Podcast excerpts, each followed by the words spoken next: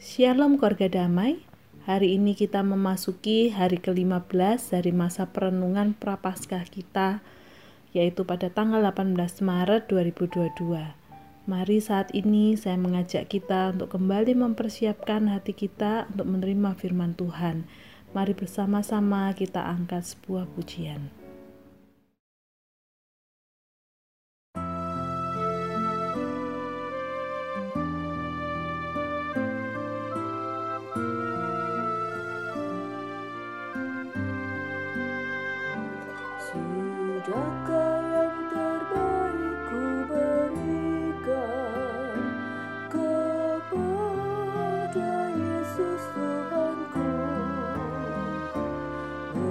Jack.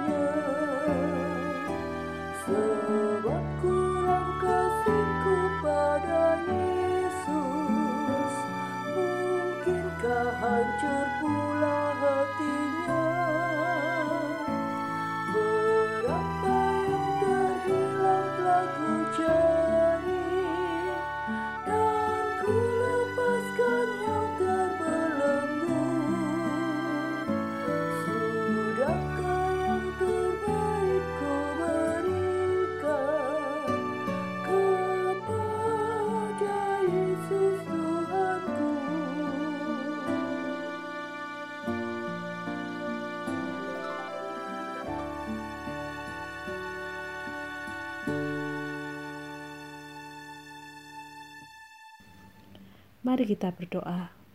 Tuhan Allah Bapa kami, kami bersyukur memiliki Allah seperti Engkau ya Tuhan.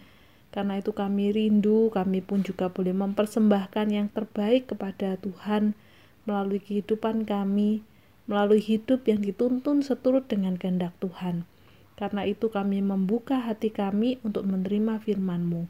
Di dalam nama Tuhan Yesus kami berdoa. Amin. Keluarga damai yang terkasih dalam Tuhan, Hari ini kita akan merenungkan satu bagian firman Tuhan yang diambil dari Wahyu 3 ayat 1 hingga ayat yang ke-6. Saya akan membacakannya kepada jemaat di Sardis.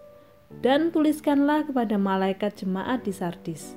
Inilah firman dia yang memiliki ketujuh roh Allah dan ketujuh bintang itu. Aku tahu segala pekerjaanmu. Engkau dikatakan hidup, padahal engkau mati Bangunlah dan kuatkanlah apa yang masih tinggal, yang sudah hampir mati, sebab tidak satu pun dari pekerjaanmu aku dapati sempurna di hadapan Allahku. Karena itu ingatlah bagaimana engkau telah menerima dan mendengarnya. Turutilah itu dan bertobatlah.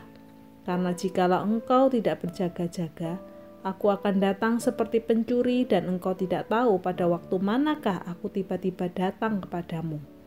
Tetapi di Sardis ada beberapa orang yang tidak mencemarkan pakaiannya. Mereka akan berjalan dengan aku dalam pakaian putih, karena mereka adalah layak untuk itu.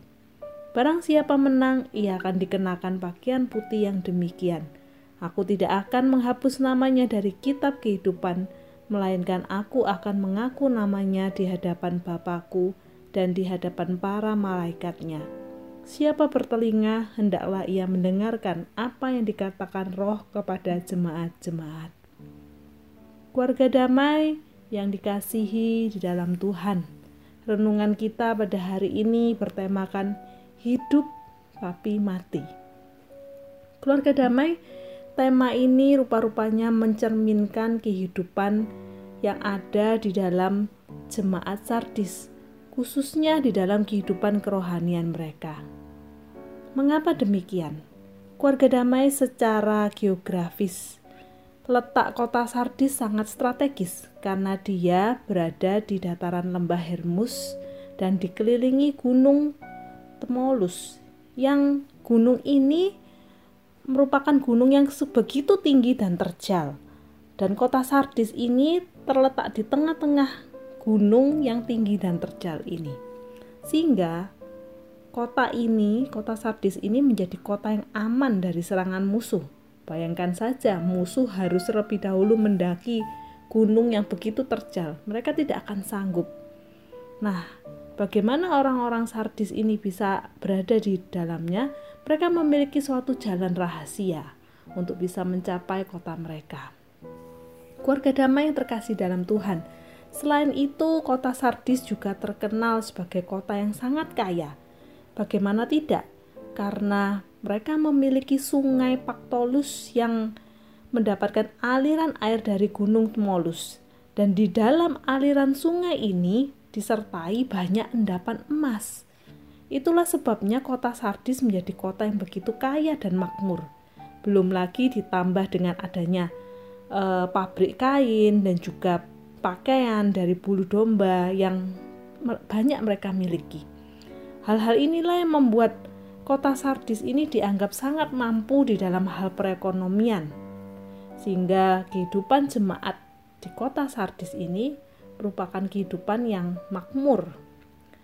Akan tetapi keluarga damai, kemapanan ekonomi inilah yang akhirnya membuat jemaat Sardis hidup di dalam comfort zone atau zona yang nyaman sehingga mereka akhirnya menjalani kehidupan kerohanian tanpa kesungguhan mereka tidak lagi sepenuhnya percaya hidup kepada Tuhan, bersandar penuh kepada Tuhan, tetapi mereka justru menjadikan kekayaan mereka lah yang menjadi sandaran dan kekuatan hidup mereka.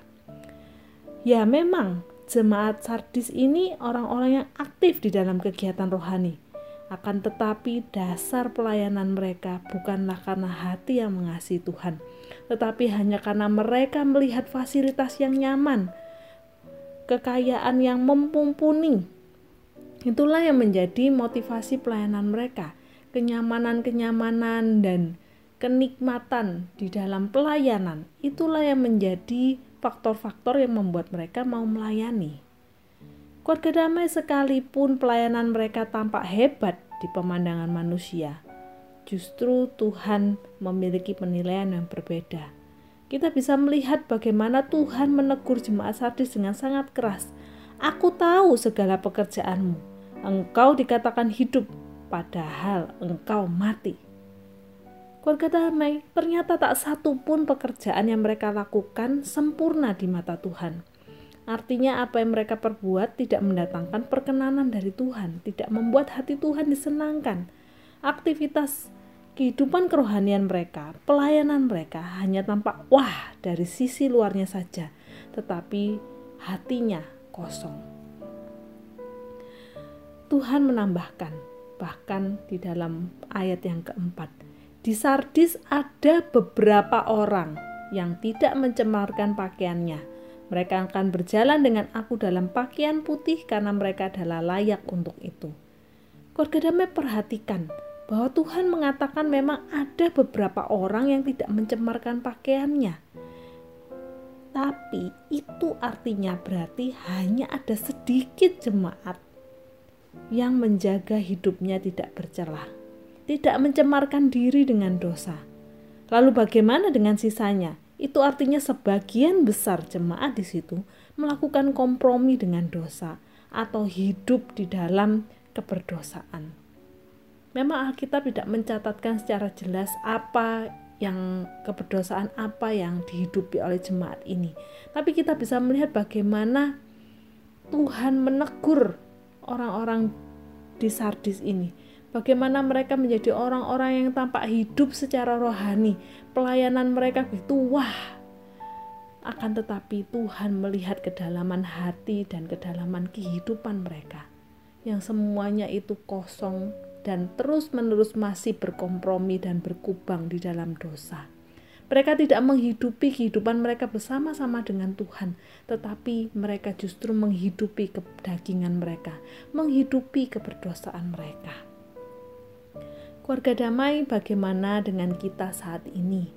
Bagi kita yang menjadi umat Tuhan di masa kini, jemaat Tuhan di masa kini, jemaat GKI Darmo Permai.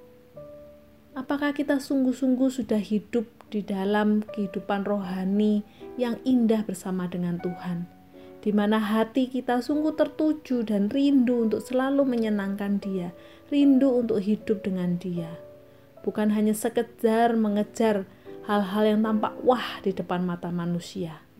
Keluarga damai sering kali kita pun jadi umat Tuhan yang kita mungkin salah fokus dengan melihat hal-hal yang tampak wah itu Kadang ketika kita memilih untuk datang ke gereja, kita akan melihat fasilitas apa yang dimiliki oleh gereja ini. Bagaimana dengan pendetanya? Bagaimana dengan pembicara ibadah pada hari ini? Apakah dia orang yang terkenal? Apakah pendeta ini adalah orang yang sudah dikenal bagus khotbahnya? Warga damai kadang-kadang kita menilai sesuatu hal yang bersifat rohani itu berdasarkan dari hal yang tampak menyenangkan bagi mata kita atau bagi panca indera kita. Keluarga damai sesungguhnya kehidupan kerohanian yang indah adalah terfokus kepada Tuhan, bukan pada hal-hal yang ada di dunia ini. Bagaimana dengan kehidupan kita saat ini, kerohanian kita? Sudahkah kita sungguh-sungguh memandang kepada Tuhan? Dan rindu untuk selalu semakin dekat dengan Tuhan. Kiranya hidup kerohanian kita di masa-masa prapaskah ini kita sungguh menghayati akan keberadaan Tuhan. Kita sungguh menghayati akan kasih dan pengorbanannya yang telah dia lakukan bagi setiap kita. Dan biarlah hidup kita sungguh-sungguh boleh tertuju padanya. Amin. Mari kita berdoa. Tuhan kami bersyukur untuk kasih setiamu di dalam kehidupan kami. Ampuni kami jikalau kami masih sering menjadi anak-anak Tuhan yang memandang apa yang ada di dunia ini Tuhan yang menjadi fokus dari kehidupan kerohanian kami. Tuhan, kami rindu jikalau sungguh-sungguh kami hidup untuk bertumbuh di dalam Engkau saja dan biarlah kami sungguh boleh memandang kepada Tuhan bukan hanya sekedar memperhatikan hal-hal yang ada di dunia ini saja. Tuhan, biarlah hidup kami sungguh berkenan di hadapan-Mu, hidup kerohanian kami sungguh hidup dan bukanlah hanya sekedar iman yang kosong, tetapi kami sungguh-sungguh mendasari iman kami untuk lebih lagi hidup mengenal Engkau dan dekat dengan Engkau. Terpujilah namamu, di dalam nama Tuhan Yesus kami berdoa. Amin.